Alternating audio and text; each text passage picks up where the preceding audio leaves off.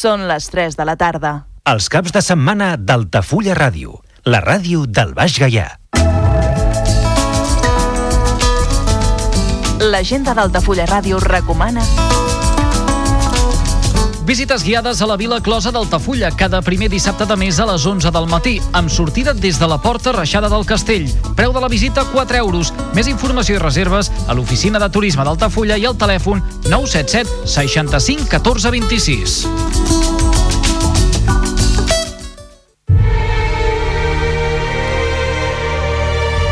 Parlem d'aquell cinema? Cinema clàssic a Altafulla Ràdio, amb Andrés de Andrés. On la música de cinema és el fil conductor. Cada cap de setmana a Altafulla Ràdio parlem d'aquell cinema?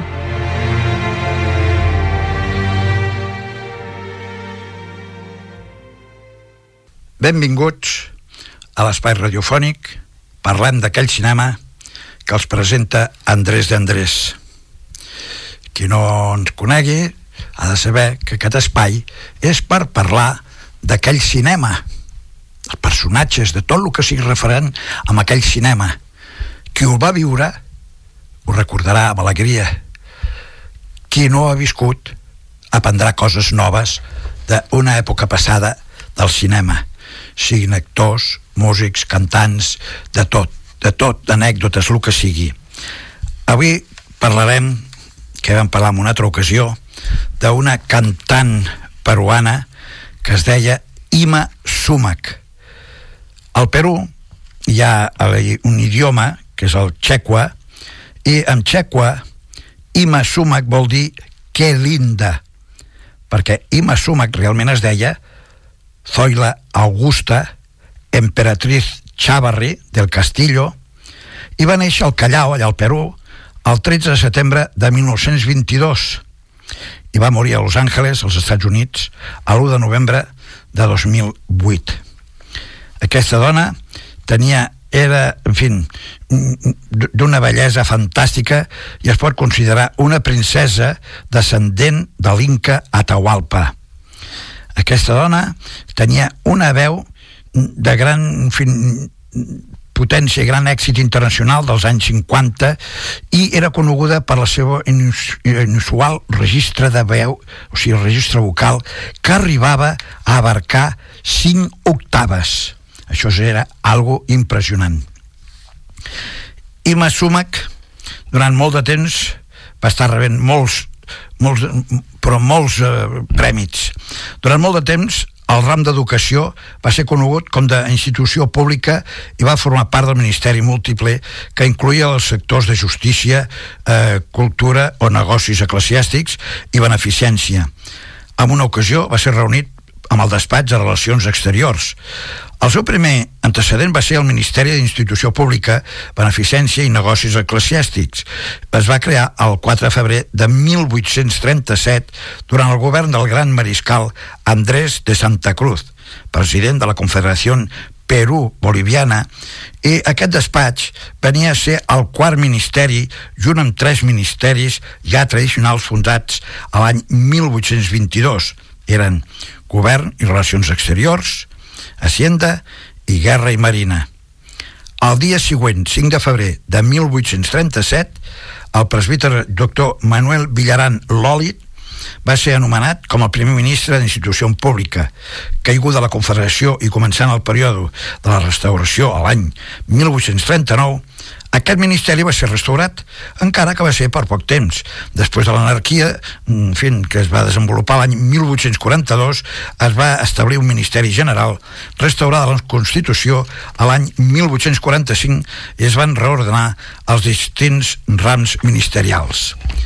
Anem a parar un momentet perquè tot això té relació amb la Ima Sumac, però és clar, nosaltres ens interessa saber com cantava aquesta dona que era d'una veu, en fi, exquisita i a més sorprenent. Aquí sentirem Los Siete Vientos i el títol original és Buanca, canta Ima Sumac. La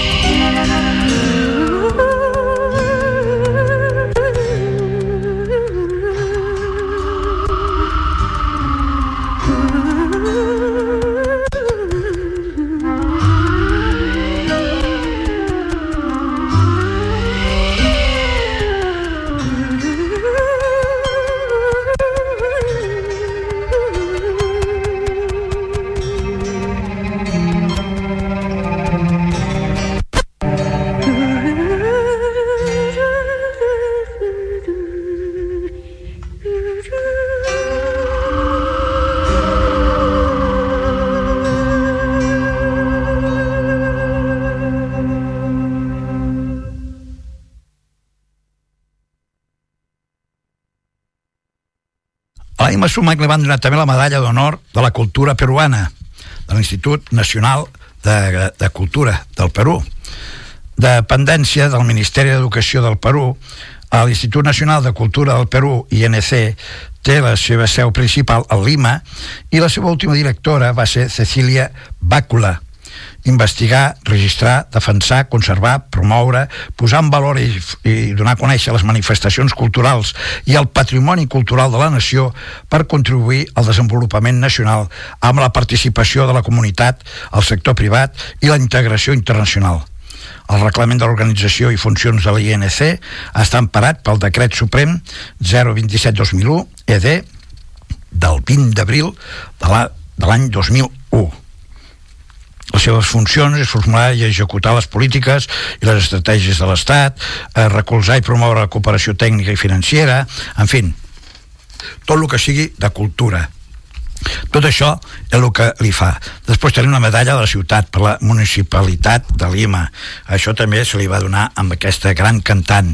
Eh, després, en fi, molts ara farem una miqueta de, de història de la Ima Suma que realment és que ens interessa però bueno, s'ha de conèixer també la gran valua dels premis que aquesta dona va rebre i de qui els hi va donar Ima Sumac va néixer amb Ichocan província de San Marcos en Cajamarca, Perú a l'any 1922 els seus pares van ser Sixto Chavarri i Emilia del Castillo Atahualpa i la seva condició de descendent de l'Inca Atahualpa va ser certificada oficialment el 23 de maig de 1946 pel govern del Perú.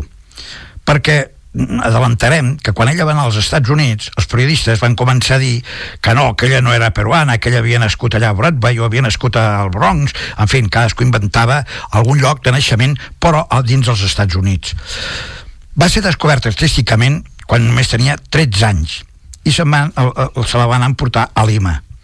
El músic indigenista, en fi, un gran músic, un coneixedor de la cultura musical mm, d'allà dels indígenes, el senyor Moisés Vivanco, la va fer part de, del, seu, del seu repertori artístic. I a més a més es va casar amb ella a l'any 1944 i se la van portar de gira per Argentina i els Estats Units amb el grup de músics que eh, Moisés Vivanco tenia Després de que es descobrissin les seves dots a cantant als 13 anys, Ima Sumac se'n va anar a la ciutat de Lima. La seva primera aparició en ràdio és l'any 1942. Bueno, llavors ja hem dit que es va casar amb Moisés Vivanco, compositor i director de la banda, el 6 de juny del mateix any. Fent servir el nom artístic de Imma Sumac, va gravar com mínim 8 cançons del folklore peruà allà a Argentina l'any 1944 amb aquestes primeres gravacions pel segell, el segell discogràfic Odeon apareixia l'agrupació de Moisés Vivanco, que aquesta agrupació, orquestra, com vulguem dir, es deia Companyia Peruana de Arte. Era un grup integrat per 46 natius ballarins, cantants i músics. A 1946, Ima Sumac i Vivanco van viatjar a la ciutat de Nova York, a on ella va fer presentacions a, com el trio Inca Taki, eh, i estava format pel el seu marit, Moisés Vivanco, a la guitarra, Cholita Rivero, que era cosina d'Ima Sumac, cantant en contraalt i ballant, i després Ima Sumac com la soprano, fins que van aconseguir firmar un contracte amb la Capitol Records, una prestigiosa casa de discos, a l'any 1950. Anem a sentir una altra cançó de la Ima Sumac. Escoltem ara aquest títol. Negrito Filomino. Negrito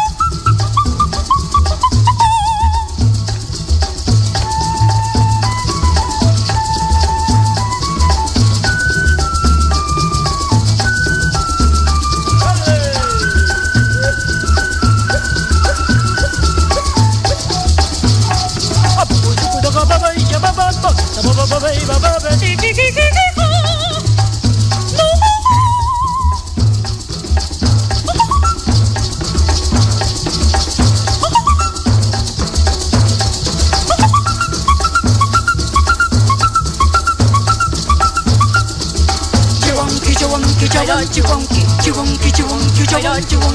Ay, ay, ay, cuchi, cuchi, vaya. Ay, ay, ay, cuchi, cuchi, vale.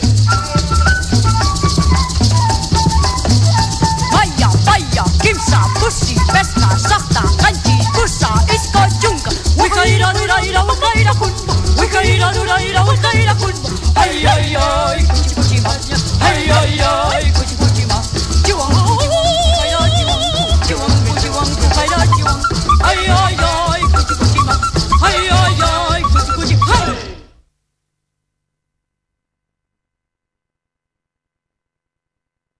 parlant d'Ima Sumac, aquesta veu meravellosa. El 2 de maig de 2006, després de 30 anys d'allunyament i tenint ja 83 anys d'edat, retorna al Perú per rebre una sèrie de condecoracions del govern d'aquest país i altres autoritats i organitzacions culturals. Per això hem mencionat ja alguns d'aquestes organitzacions perquè val la pena saber que eren organitzacions de gran alçada.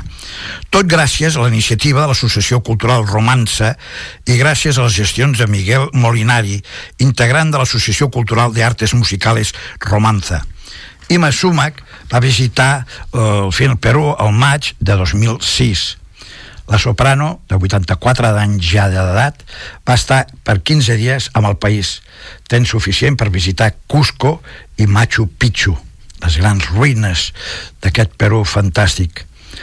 El dia dissabte 1 de novembre va morir després d'una llarga batalla contra el càncer de colon amb un centre d'assistència a Los Angeles.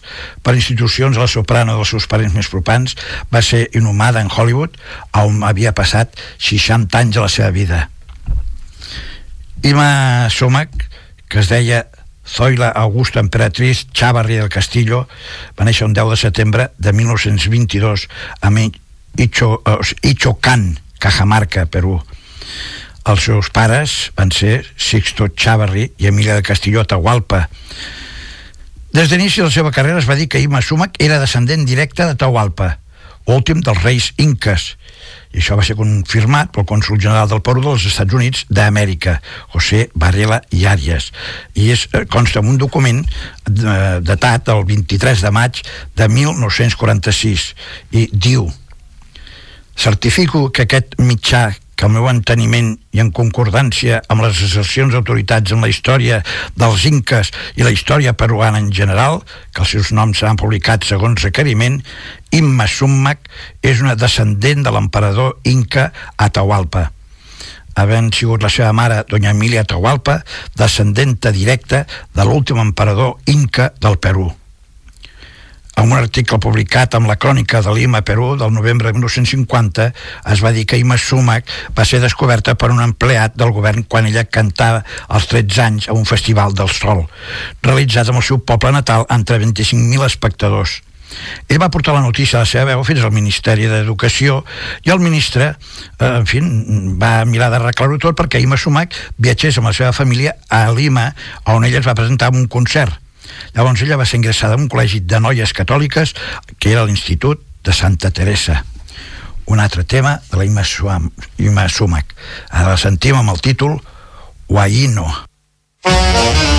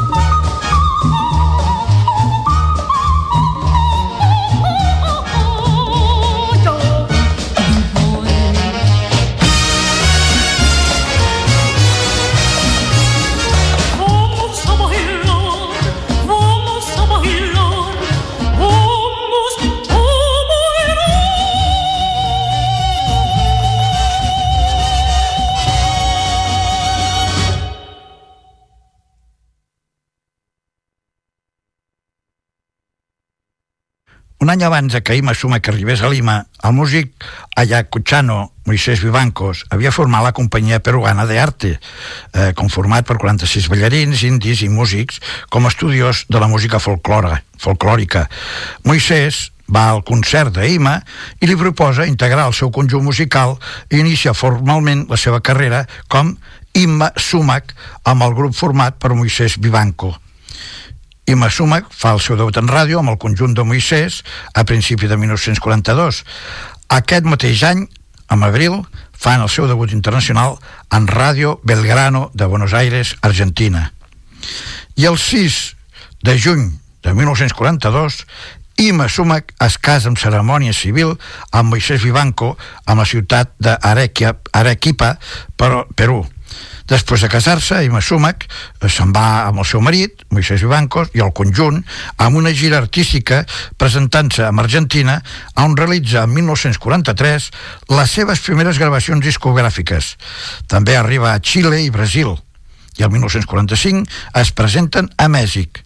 La veu d'Ima Sumac rep elogis de la crítica internacional per la perfecció que va entre 4 i 5 octaves, la seva veu, de l'escala musical un altre tema de la Ima Sumac. Ara la sentirem amb el titulat Vals Inca.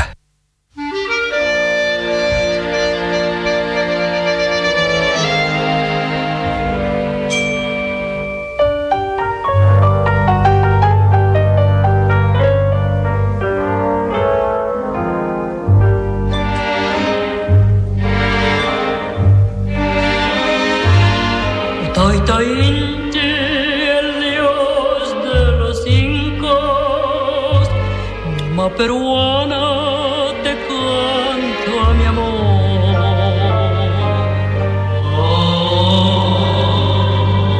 Calzón y tam wajas pa mañana. Amakuyay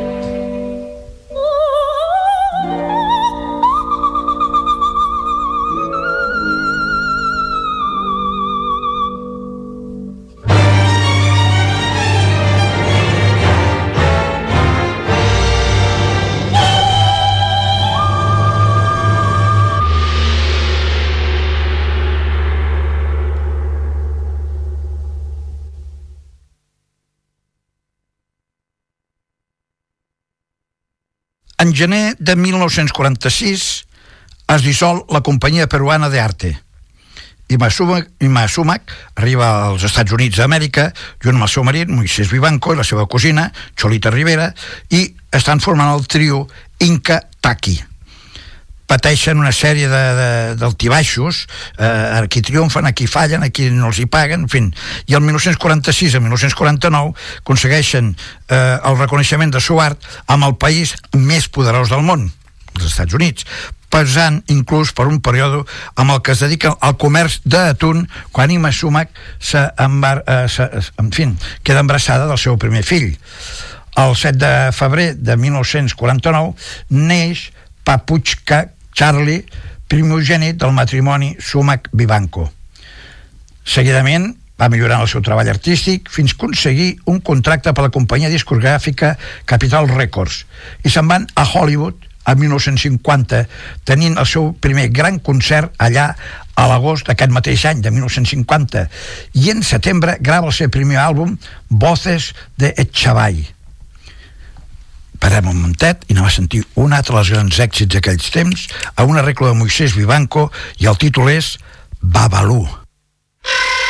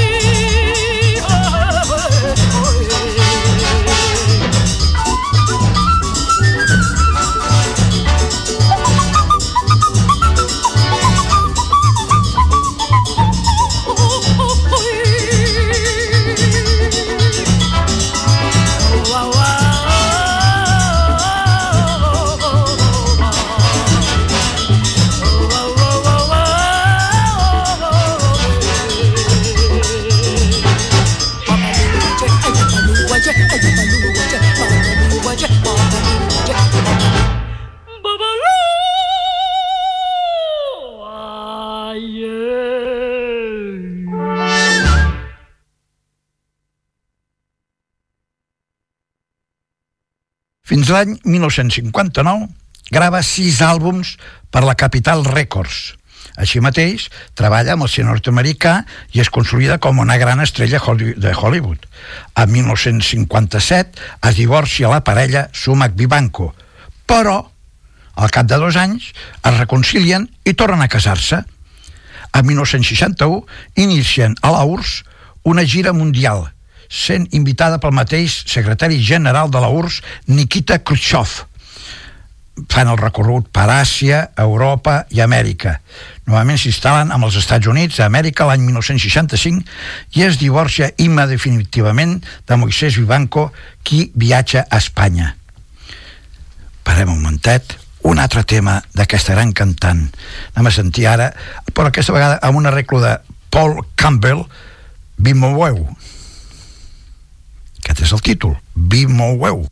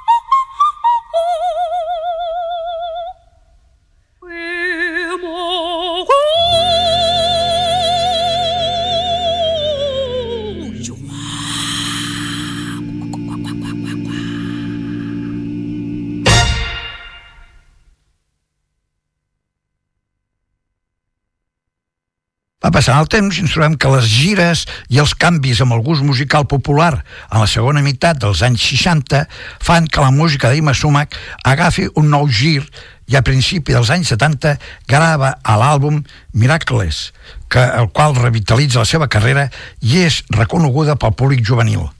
A mitjans dels anys 70 viatja a Lima, Perú, considerant en fi, que havia estat molts anys allà i torna a viure aquí durant un temps.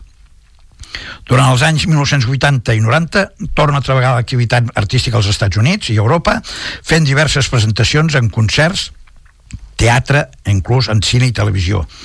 Es fan compilacions dels seus discos i documentals sobre la seva vida. Parem de nou i fem ara un altre tema de la Ima Suma que és aquí Ets Tabai.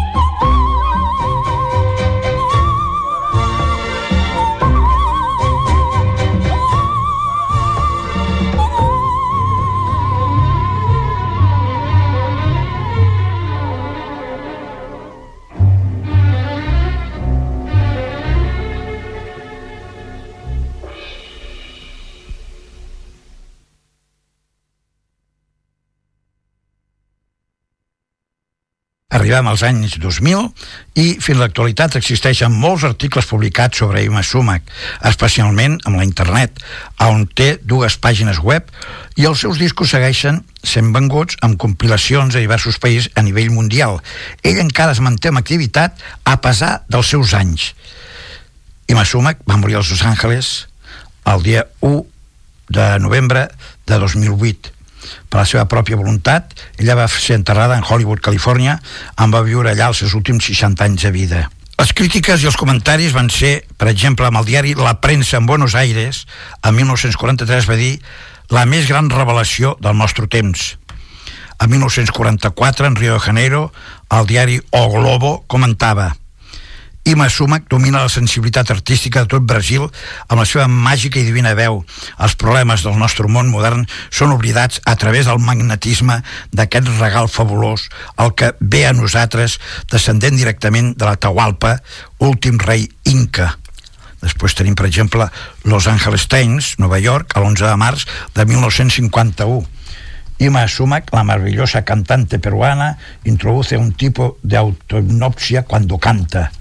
En fi, i així podríem anar seguint i anirem seguint, però sentim un altre tema de la Ima Suma, com per exemple aquest titulat que es diu La Molina. No la Molina que anem a esquiar, no. La Molina.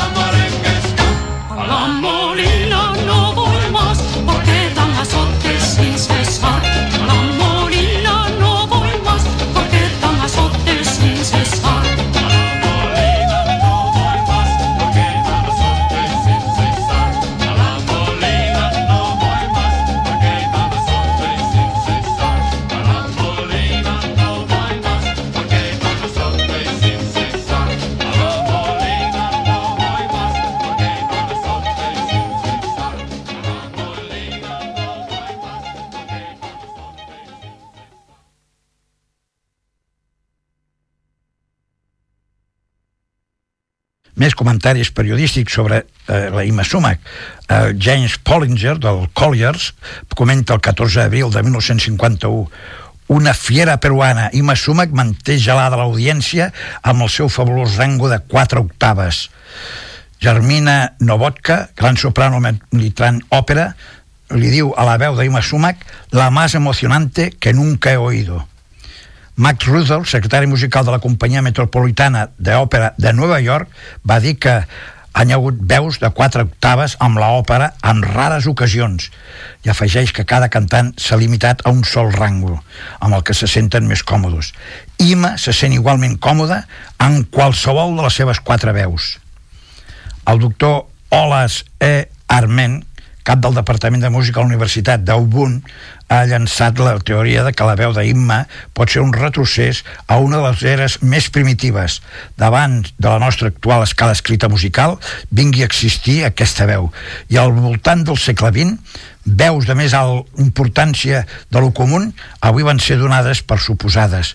El doctor Arment també creu que ha detectat similituds entre la música d'Imma Sumac i la primitiva música ienemita, babilònia i balinesa. Això ho té intrigat tant que ha suggerit que la veu d'Imma pot ser un asomo al passado. O sigui que era algo impressionant aquesta dona, com ho és també aquest altre tema que diu, amb un arreglo de precisament del seu marit, que havia sigut el seu marit, Moisés Vivanco, aquest tema que diu Llora Corazón. por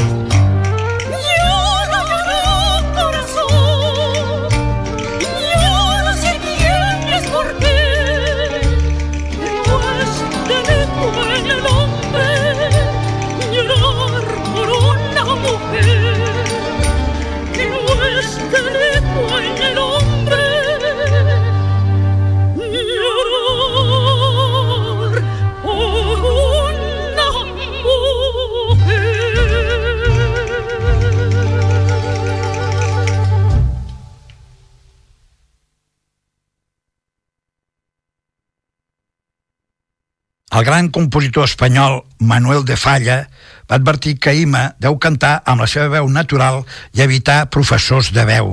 No cal que vagi a aprendre. Ella de si mateixa ja sap cantar. Arthur Fredler, conductor de la famada orquestra Pop de Boston, va quedar impressionat al sentir-la i va enviar la seva germana Elsa Friedel perquè pogués aprendre a llegir música i parlar amb l'idioma dels músics i professionals. Ell no va voler tampoc ficar-se amb la seva veu. Glenn Dylan Gunn, crític de música del Times Herald de Washington, va escriure sobre, sobre Ima Sumac. No hi ha veu com aquesta amb el món de la música d'avui té una escala més alta que qualsevol veu femenina de concert o òpera i s'enfila dintre l'estratosfera acústica i baixa al subcontral profund del to amb igual facilitat. Li és igual pujar que baixar. Tals veus només sobreviuen a una sola vegada amb una generació. I ara sentirem un altre tema. La Pampa i la Puna. Canta Ima Sumac.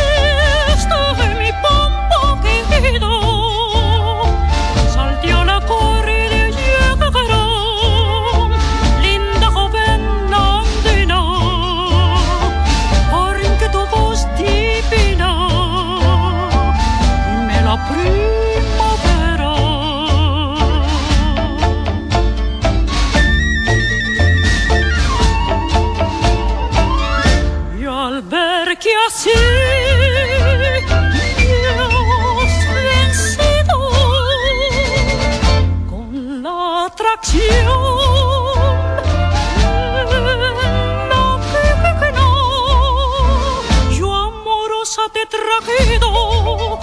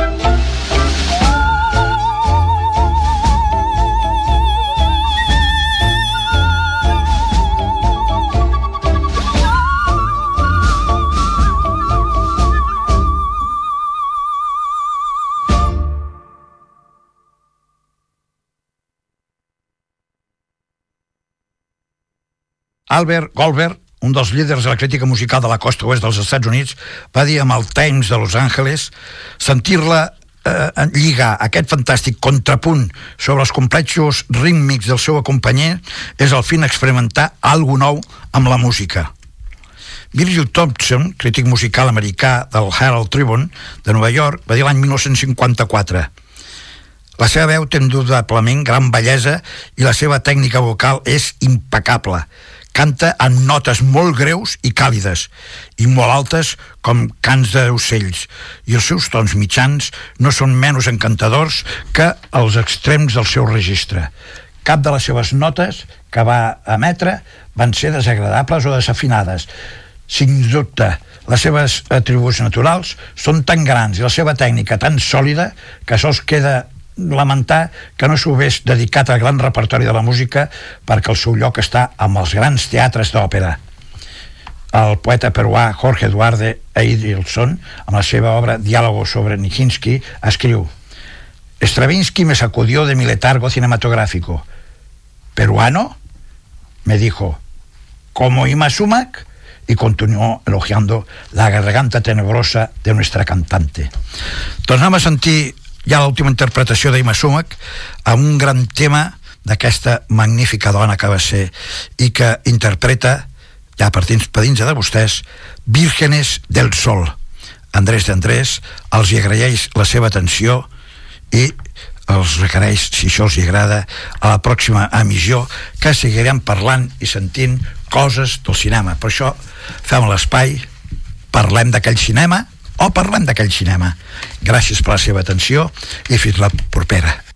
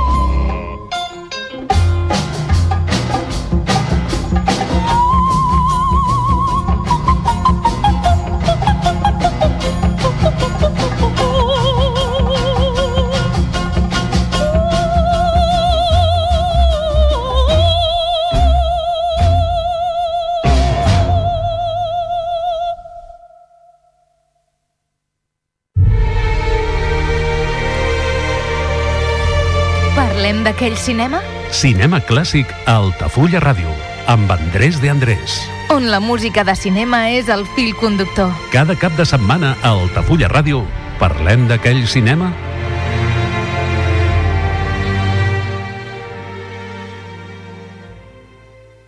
Ja coneixes les propostes que t'ofereix el Club Marítim Altafulla? Vine i descobreix totes les nostres activitats. Sortides en caiac o pa del surf, cursos de vela per a totes les edats. No t'ho perdis i gaudeix d'un dels esports més segurs d'aquest any. Club Marítim Altafulla.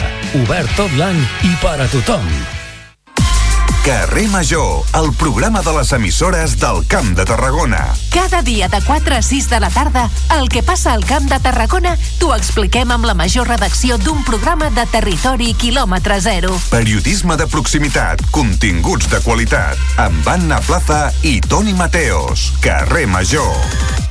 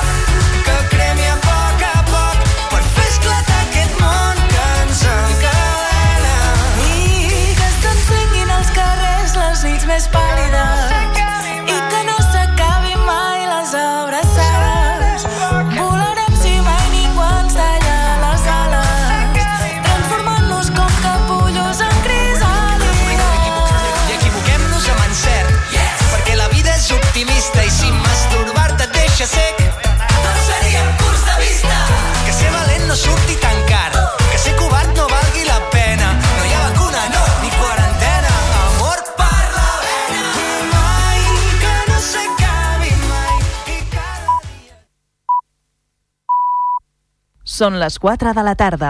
Els caps de setmana d'Altafulla Ràdio, la ràdio del Baix Gaià.